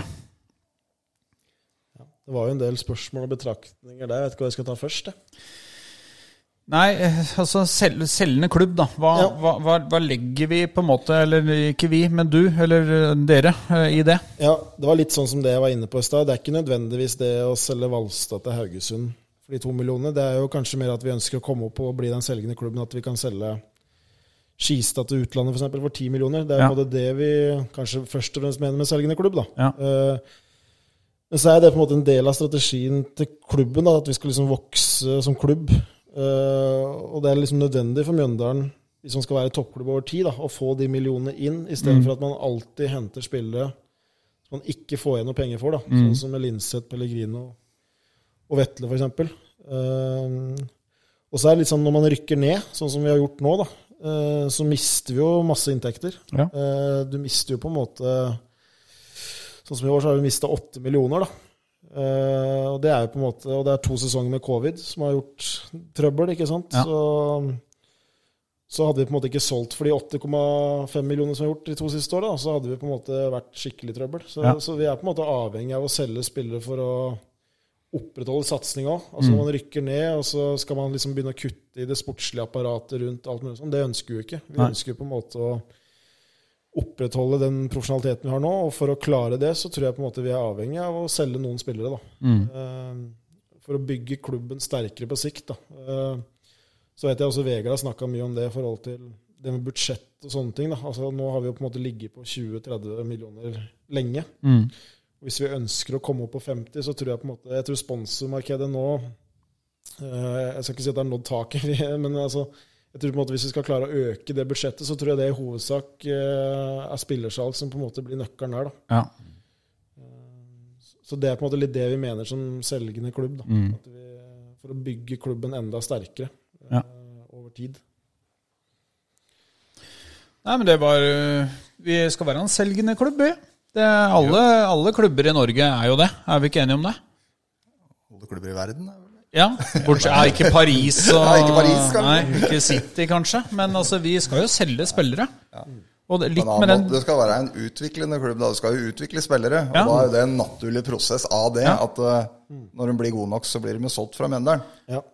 Det er jo det det dreier seg om til syvende og sist, vel. Ja, og vi ønsker på en måte Sånn som Valstad er et godt eksempel. altså Det er en vi henta gratis da, Ja. for bare under et år siden. Og så selger vi nå for en del millioner, ikke sant. Og da er jo på en måte Fortjenesten er jo blitt bra. Og så får vi hente en ny, eh, ny gratis Hvalstad, da. Ja, så bare selger han videre igjen. Så, så det er på en måte neste venstrebekken Bullkisa, det. Det har jo funka bra, det. så, så, ja, så det er på en måte sånn vi må tenke, da. At vi må hente billig og selge dyrt. Ja. Så scouting er jo kjempeviktig, da. det blir jo viktigere og viktigere. Eh, og jeg tror også det er viktigere og viktigere for en klubb som Mjøndalen da, å være god på de tinga der. Man har liksom ikke råd til at man ikke er god på det. Nei. Nei. Men det i forhold til sånn akademisatsing, da. Det går jo en god del kroner med til akademisatsing fra ja, tolvårsalderen. Eh, Jeg veit jo det er noen stjerner og noen kroner fra NFF med det, men det har blitt sånn trend det at alle klubber i toppen skal ha et akademi. Må vi ha det? Og trenger vi å drifte det på den måten vi gjør i dag? Jeg synes jo, nei, det, altså Måten vi drifter det på, kan jo sikkert diskuteres, men jeg mener jo det er veldig viktig eh, som klubb. altså, det, altså Signaleffekten, da, det å ha et akademi. Eh, og det at unge spillere som er fra regionen her, da, eh, har et godt opplegg når de kommer inn der for å komme opp i Mjøndalen. Og det er klart sånn Isolert sett, så ja, vi bruker en del penger på akademiet, men det er klart, selger vi Skistad nå for eh, forhåpentligvis kanskje 10 millioner, da, så er plutselig akademiet ganske billig, sånn sett, hvis du tenker sånn at vi, vi får fram unge spillere som vi kan, kan selge. Og Det er liksom grunnen nå. altså Det er ikke noe vits for oss nå å bruke masse millioner på akademiet, og så skal ingen av de spille. Altså Da kan vi jo like så godt Da er det liksom ikke noe vits i å bruke masse penger på det. Så vi, vi må, I og med at vi bruker såpass mye penger på det, så må vi også bruke det for det det er verdt. Da. Altså da må jo, Når det kommer spennende spillere på akademiet, så må vi jo gi dem sjansen. Altså da er det jo på en måte Skistad kom fra, kom fra han. Ja, og det er på en måte litt den Buskerud-modellen og den måten akademiet vårt skal drive på. At øh, vi er på en måte avhengig av å få spillere i regionen som ikke er fra Mjøndalen nå, men få spillere fra Konnerud, Lier, øh, Skjold, altså alle de klubbene rundt der. da. Eh, Men det er jo ikke noe som er gøyere enn hvis det kommer en Mjøndalsgutt opp. Men har de en tidslimit på det? Eh, det jeg veit jo jeg òg at dette er veldig ungt enda, men det er klart, går det fem år til, og det ikke er solgt ut en uh, eneste spiller fra akademiet deres uh, Jeg mener ikke at du skal svare på det akkurat sånn direkte, men dere har vel en Ja, og det, det tror jeg på en måte er nå Altså De som kommer opp nå, da, sånn som Syver, som er 01 f.eks. Altså den generasjonen der er på en måte den første generasjonen nå som har vært med hele veien i akademiet. Det er egentlig den første generasjonen vi ser nå som har vært inne fra de er på U13, U14 og hele veien opp. da. Så jeg tror på en måte eh, ringvirkninga av atomien begynner vi å se nå. Nå har det på en måte satt seg noen år, eh, og nå kommer de opp, de som har vært med hele løpet. Så, så jeg tror nå framover at, at det kommer til å komme mange. da. Altså Når jeg ser utpå her nå altså Du har jo et 06, 07, 08, 09 altså Alle de kulla der er jo superspennende. Eh, og Mjøndalen har jo masse spillere der på kretslag og sånne ting. Så, så ja, jeg syns jo det ser veldig lovende ut. Ja, for dette, det, det vil jo ta tid før det liksom setter seg. ikke sant? Det er ikke sånn at du starter et akademi, så året etter så er det ping, og så er det sju Nei, det er det jeg mener. Ja, Det, det, selvfølgelig, dette er jo langdrygt ja, det er akkurat det, men så på et eller annet tidspunkt så må man Ok, hvis det har gått 10 år, da, 15 år, og så er det faktisk ikke solgt en eneste så er det jo, Da er det jo en spørsmål, for det blir, det blir dunka inn mye penger i akademiet. Ja. Og hvis det bringer inn null i, i felleskassa, da, så, så må man jo evaluere både metode og måte og alt. Ja. Men, eh, men, men derfor så tenker jeg at det nedrykket ikke var så forbanna jævlig. Da, for det øker sjansen for at vi kan bruke akademispillere, eller de som har gått gjennom systemet, lettere å slippe dem til i Obos enn det det har vært i Eliteserien. Men det er klart, med tanke på verdi av spillere, da, så er det viktig å komme seg opp igjen i Eliteserien. For det er ikke Ja. tvil om at det, spillerne er, blir mye mindre verdt når du spiller i Obos-ligaen, Helt klart. enn når du spiller i Eliteserien. Ja. Det er sjelden det er store salg fra Obos-ligaen. eh, Derfor så mener jeg at to millioner, eller hva det ble spekulert i for Valstad, det er en god pris Ja. eh, på han, egentlig.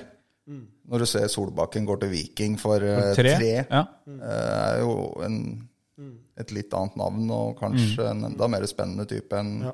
Nei, det er som du sier, altså det er jo, man får jo solgt mer hvis, man, eh, Ja. hvis det er eliteseriespillere som går ut. Men, men å da få den tilliten og få minutter på banen i Obos, og så kan komme deg opp, og så ta det steget igjen, da.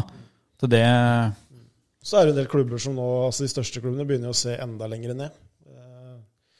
Du har igjen den blå delen nå, som det har vært litt i aviser om. altså En toppklubb som er, han har ikke spilt for A-laget ennå.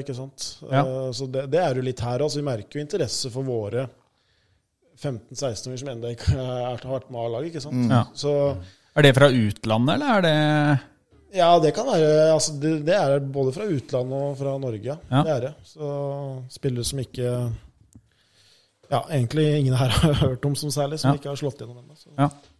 Nei, for uh, Gaute Reitan har litt sånn spørsmål angående akademiet. Uh, han lurer litt sånn egentlig på hvor langt ned i alder uh, strekker uh, interessa for enkeltspillere seg. Altså, Kan du si noe om det? Hvor, Ja, altså nå har jo døgnet mitt også 24 timer, da. Så det er jo på en måte kanskje mer retta inn mot A-lag og kanskje de eldste i akademiet, da. Ja. Men, men jeg jobber jo også med, med kartlegging av spillere der også. Ja. Men jeg har på en måte ikke, kanskje ikke den tida til å liksom se på de aller yngste. Men der, men der har vi jo andre folk i klubben Ja. som, eh, som følger med. Eh, Vi har jo på en måte folk i akademiet òg som scouter spillere for de òg, så mm, så, men jeg er veldig opptatt og interessert i akademi og unge spillere. Ja. Det er jeg. Så jeg følger med. og så lurer han på litt sånn om altså nedrykket, da. Hva slags effekt på en måte det har hatt, med tanke på at vi har en klubb litt lenger nede i gata her som, uh, som også har et tilbud til uh, unge, lovende fotballspillere. Og som om det at vi har gått ned i Obos, om det er vanskeligere for oss å lokke til seg, eller uh, Jeg tror ikke det har så mye å si for rekruttering av akademiet sånn sett. Fordi eh, altså de tenker jo på en måte at Mjøndalen er fortsatt det er en toppklubb, og kanskje at det er enda lettere Ja. eh, å få muligheten her. Og det, Ja. det er også noe som vi også er litt opptatt av. Å se at det er jo kanskje litt kortere vei opp til en A-lagstropp, trening, lag her, enn det det kanskje er i andre Ja. toppklubber. Men er dere i samme Dere ser kanskje ikke så mye ned til Drammen i det akademiet, eller er dere mer oppover mot eh, Eiker og Jo, vi, ser, jo, vi ser jo i Drammen nå, så Ja. det blir jo på en måte dere kjemper om de samme det Ja. Det gjør vi jo. Og, så det er jo en evig kamp, og det, det kommer det vel alltid til å bli. Uh, men det er jo på en måte Vi har jo litt forskjellige innganger. altså Vi har den Buskerud-modellen som vi følger, eh, hvor vi er ute i klubber og satellitter og, og ser på spillet der, mens godset på en måte står litt mer på egne bein. Uh, så, men det er klart, vi Ja. Vi følger jo med hva som skjer rundt i hele distriktet. mm. Men jeg kan jo, som er er involvert i gutter 16 og jenter 13, da kan det komme tips. da, At det ikke blir en klubb i klubben, akademiet. For det er følelsen som ja, en god del i bygda har nå. Pass på det. Ja. Men det er mer retta mot Arne Markussen, og det er ikke deg, egentlig. Nei, det er jo sånne ting som er viktig å ta tak i, tenker jeg. da. Mm. Ikke bare tenk stoppen og ros, men Nei. tenk litt Mjøndalen òg. Ja, det er helt Og kom på treninger, og ta gjerne noen treninger, og se på litt mer. Og ikke minst kommunisere og samarbeide med utviklingsavdelinga generelt.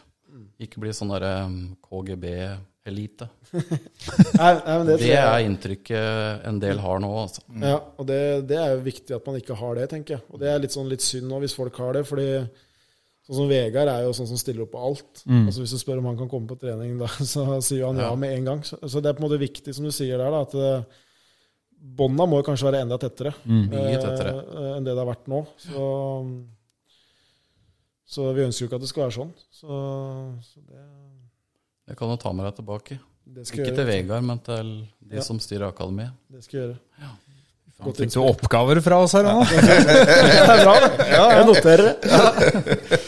Ehm, litt sånn uh, Thomas Miele han lurer på om, det skal, uh, om dere ikke er redde for at det skal bli for mye press på unggutta i den sesongen her. Ehm, at det, snart, Han skriver at snart er kun akademispillere igjen. Det er ikke jeg helt enig i når du har gått gjennom troppen. troppen. Men eh, at, ja, altså kan, at unggutta kan på en måte føle at det nå, nå blir det, det blir oss, og nå er det mye press på oss. da. Nei, jeg er ikke redd for det i det hele tatt. Og det, det er litt pga. de typene som er der òg, i stor grad. Uh, og så er det ikke sånn, sånn som jeg sa i stad, så jeg, jeg tror kanskje, hvis jeg skulle tippa nå, så er det kanskje to, tre, fire av de unge gutta som kanskje starter. Ja. Eh, Så det er ikke sånn at vi bare starter med unge gutter. Eh, Jeg tror på en måte at det, vi har jo en, en gjeng her med eldre spillere som må regne med å ta det taket der.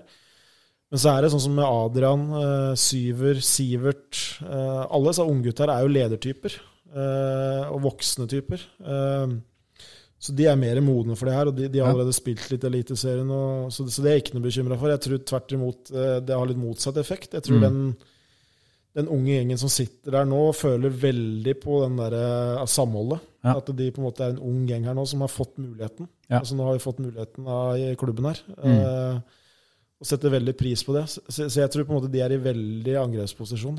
Eh, At man tenker at den- den sjansen her skal jeg gripe, liksom. Altså, Ja. dette, dette er jo spillere som har lyst til å bli fotballspiller og leve av det å ja, og, og de har på en måte et samhold som er altså De er jo på stadion her fra ni om morgenen. Vi må jage dem hjem på kvelden, liksom. Altså de, de sitter jo her hele kvelden og trener, trener jo to økter om dagen, og de, de Ja. spiller kort. Altså de er, de er på hele tida, da. Ja. Eh, så nei, ikke bekymra for det i det hele tatt. Nei. Egentlig tvert imot. Så bra. Eh, Jeg har fått et eh, Det er litt tilbake til Det er litt mer sånn snevre eh, spørsmål. Dette er kanskje Jan Erik Skretberg, han kjenner du vel? Kjenner godt.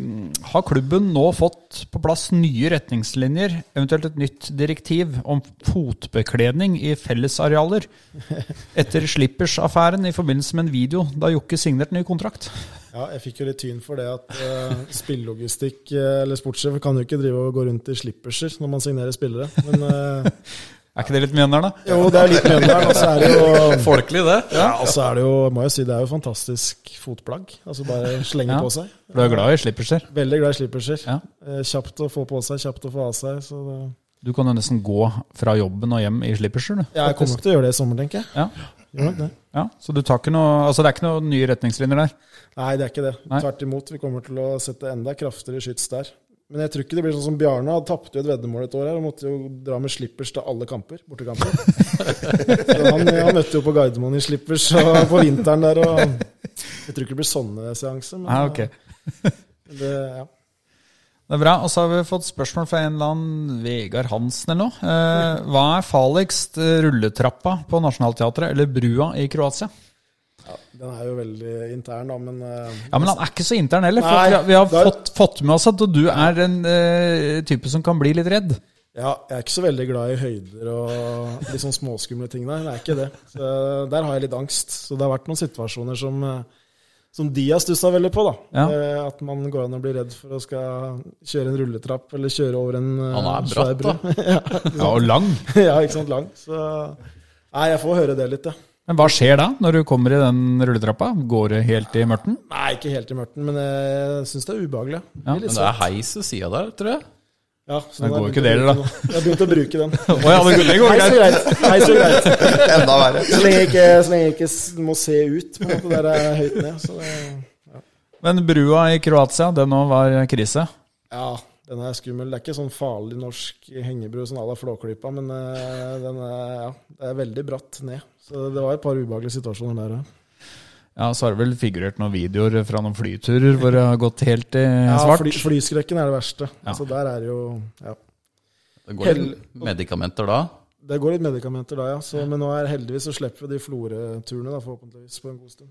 Eh, Ja, for der er det vind inne i bildet der. Ja, nå, nå hørte jeg bare så vidt Arne Eliassen begynte med at det kanskje ble fly til Sogndal der, så det, nei, det er helt uaktuelt. Det er såpass, ja. Ja, ja, det. Men der går han og kjører over. Ja, ja. Det, det, så jeg pusher på det nå, for å få booster dit. Ja. Spare penger. Ja. Veldig viktig. Ja, da er vi Nei, vi har en par til der, faktisk. Eh, per Gunnar Kristoffersen. eh, han snakker litt om at vi skal bli et spillende lag ut fra keeper. Eh, så lurer han på om vi har et mannskap til å for dette, eller om det blir balltap på 40 meter. Ja. Det er jo litt eh, Det er jo riktig eh, observert. Eh, vi, har, vi tenker at vi skal bli litt mer spillende bakfra. Det er litt med de typene vi har nå. Vi har sånn som Nakkim, Adrian og flere av disse her er jo gode med ballen. Vi har jo hatt Ulrik Arneberg og Sondre Solom Johansen som har vært veldig gode på sine ting, men kanskje ikke vært så gode i den fasen der. Og så har vi også henta Kinn, også litt med tanke på dette. her, altså En som er veldig god med ballen i beina, keeper. Og så har vi Isak og Skistad, som er veldig gode med ballen. Så vi føler at dette er noe vi kan profitere på. da. Ja. Uh, og så er det ikke sånn at vi kommer til å spille tikki taka inn i egen 16-meter. Det er ikke det vi på en måte er ute etter. Det er jo for å lokke fra motstanderen, slik at vi kan bruke mellomrom og bakrom uh, i stor grad. Så ja, for, for vi kommer til å se mer av det. At vi setter i gang bakfra og spiller oss mer ut bakfra. Ja, for det lurer han litt på videre. på en måte, Så, så planen for offensive spillet, altså hva, kan du nevne på en måte noen, noen punkter for hva, hvordan vi skal se ut eh, fra ja. midten og oppover, da, hvis det går an å ja. si det? Ja, jeg kan starte. Altså Bakfra så ønsker vi jo det å sette i gang som sagt nå i større grad fra egen femmeter, med, ja. med stoppere som går dypt, og keeper. Uh, Uh, og da er det på en måte posisjonering, uh, og vi ønsker jo å, kunne spille oss ut bakfra. Og så er det jo det å kunne bruke sånn som Benny og Sveen der oppe, hvis vi blir pressa og, og, vi føler at vi må slå opp dit. Ja. Uh, ellers så er det jo litt sånn som vi så litt tegn til i fjor. altså Vi ønsker jo kanter som kommer mer inn i banen, og høyere bekker. Ja. og true det som populært nå har blitt litt den der assis-boksen, altså den sonen mellom du kan si mellom femmeteren og 16-meteren. Det å komme inn der, det er der flest sjanser og skåringer kommer, med at vi, man får løp inn der. Så det å få kanter og spisser, hengespiss, og true de i løpet der hele tida, så vi får, får de cutbacks av de innleggene derfra, istedenfor de innleggene som kanskje ble slått før i tida fra, fra sidelinja. ikke sant? Ja. De polerne inn som er vanskelig å få til noe på, så ønsker jo det å komme, komme inn i en sone der. så det jobber jo veldig mye med. Mm. Uh, bakromsløp. Eh, det er litt derfor vi også har fått flytta opp Sveen, eh, for å få flere trusler inn bak. Eh, så det kommer vi nok også til å se.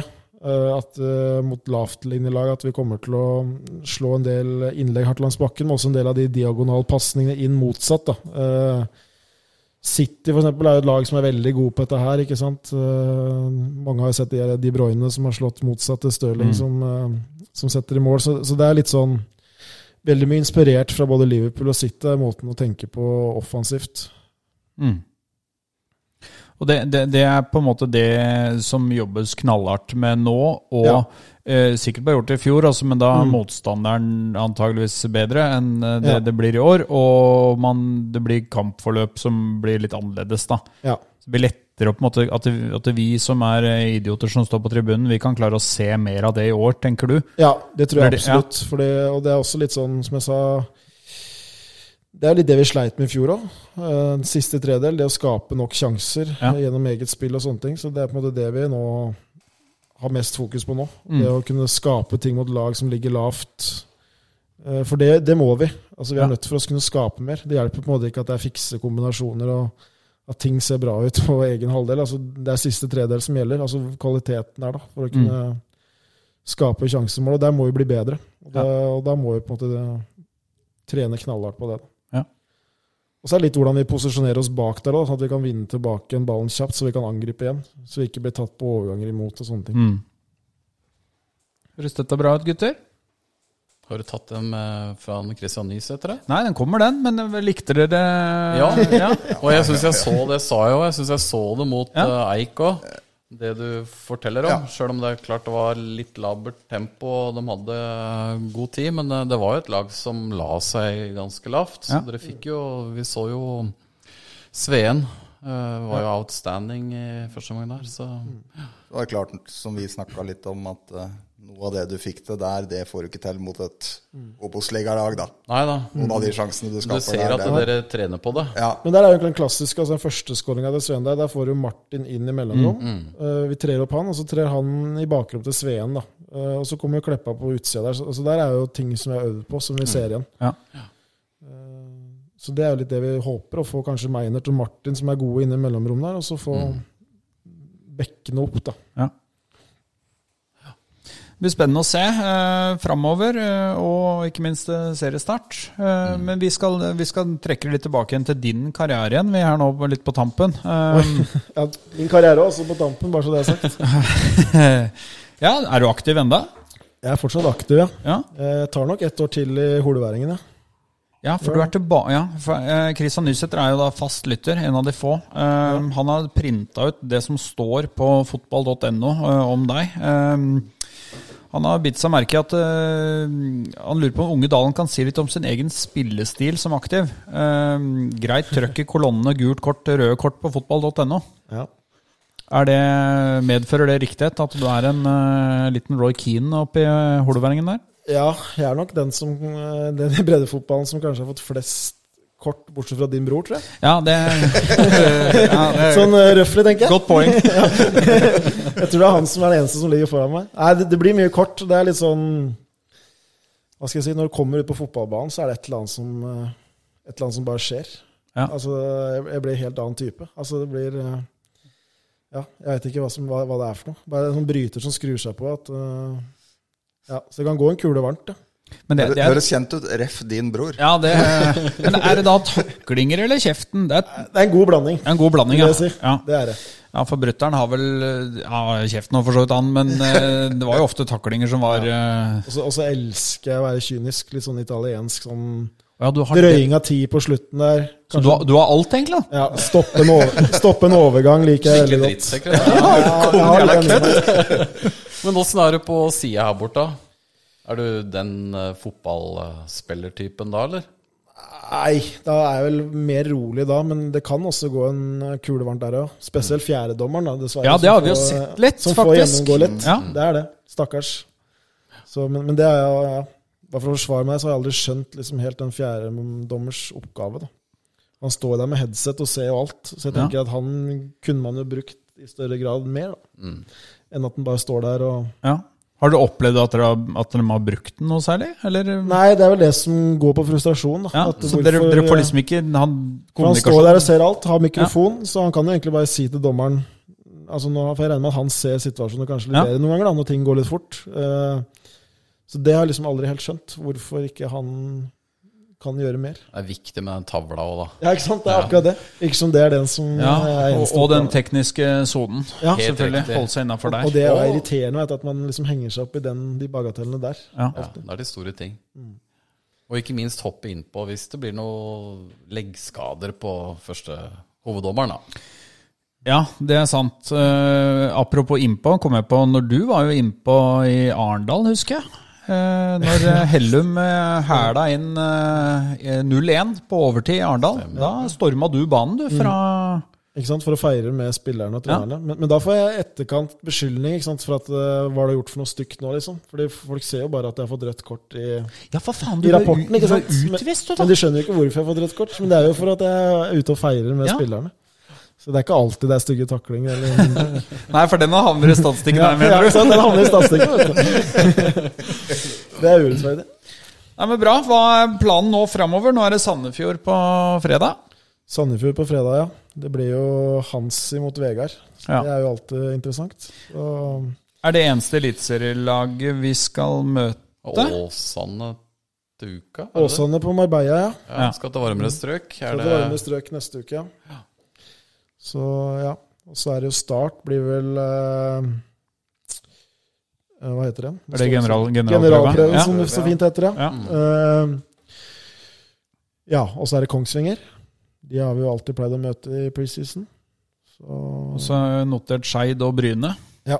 Ja. Bryne på nøytral bane. Ja, Ja. det er viktig. At ikke den går der borte. Ja. Men, men, men sånn start, da, for å gå, det kan være en fin generalprøve, det. For der virker det som de har fått litt eh, orden på ting, og det kan se ut som det kan bli en topplag i Obos. Ja, jeg så jo den treningsmatchen de hadde nå mot Brann. Ja. Og da de valsa jo over Brann. Ja. Så, så de så bra ut. Mm. Eh, De har jo henta litt rutine der med Wormgård og et par andre, så de, de syns jeg så bra ut, ja. Ja. Så, så de tror jeg blir gode. Så, Der blir det generalprøve, og der skal vi også spille MIF 2 mot Starto. Så de, de kommer med to lag med buss opp hit. Så Å, ja. da blir det en dobbeltmatch der, så det blir sikkert ålreit å få med seg. Lørdag også, ja. Litt Ja. sånn helaften. Ja. Ja, Så det blir sikkert et eller annet arrangement på Vipen eller noe i forbindelse med det, tenker jeg. Ja. Ja. Yes. ja. Nei, men da er jeg gjennom, jeg, gutter. Har dere noe mer å tilføye, eller? Nei, du har vel begynt å få dårlig tid du nå, Jan Remi? Ja, du skulle rekke Champions League. Det er jo fem minutter eh, nå. Du tar på slippersa, bare løper hjem, du. Det går bra. Det er kort vei, så det går fint. Nei, men Bra. Eh, Vi får bare takke, da. Det er jo masse Det er jo deilig å få litt sånn eh, innsikt i, i ting som både vi og de sju lytterne vi har, lurer på. Ja, vi Det var jo strålende engasjement, da. Det er jo bra Ja. å se at det er eh, mye gode spørsmål og mange som lurer på ting. Så Ja. det er bra, det. Vi har Et siste, siste spørsmål er fra Buttedal, men det handla om damefotball. Eh, Stemmer. eh, Så det er jo ikke Jan Remi eksperten på her, så vi får bare se. at vi har notert oss det spørsmålet. Jeg har svart litt på det Jeg har svart litt på det. Mm. Han lurte på litt budsjett og sånn på den damefotballen. Det, Og sånn, ja. ja, det har jo ikke vi. Nei, men det kan vi jo få svar på, og så kan vi ta Bare- med oss det til neste pod. Ja, det skal vi faktisk litt av hjemmeleks til oss der òg. Du har litt akademiansvar der. altså Et tips er jo kanskje å invitere noen fra damelaget, da. Treneren eller et eller annet. Ja. Kan ta og snakke litt om det. Vi skal notere skal jeg gå med tips til dere. Som, Nei, plutselig eh, jeg- jeg styrer du hele jævla poden her nå. Ja, ja, ja. Skikkelig varm i trøya nå. Skikkelig varm i trøya nå. Det kan jo bare stå her, dette Ja, ja, tar over hele Nei, men det var bra. Vi får uh, takke for uh, bes- eller at vi fikk lov til å komme til deg. Og hyggelig å på en måte få litt mer innsikt. Fortsatt julepynt på noen av leilighetene her, ser jeg. Ja, nå har de slokka lyset på Konsta.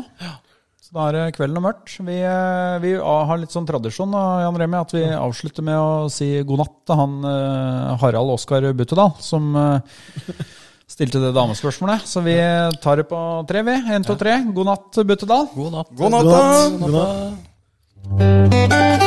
Det er ikke så viktig hvor mange mål vi skårer, gutter. Det gjør ikke noe om vi slipper inn. Det er kun én ting som betyr noe. Høyt press.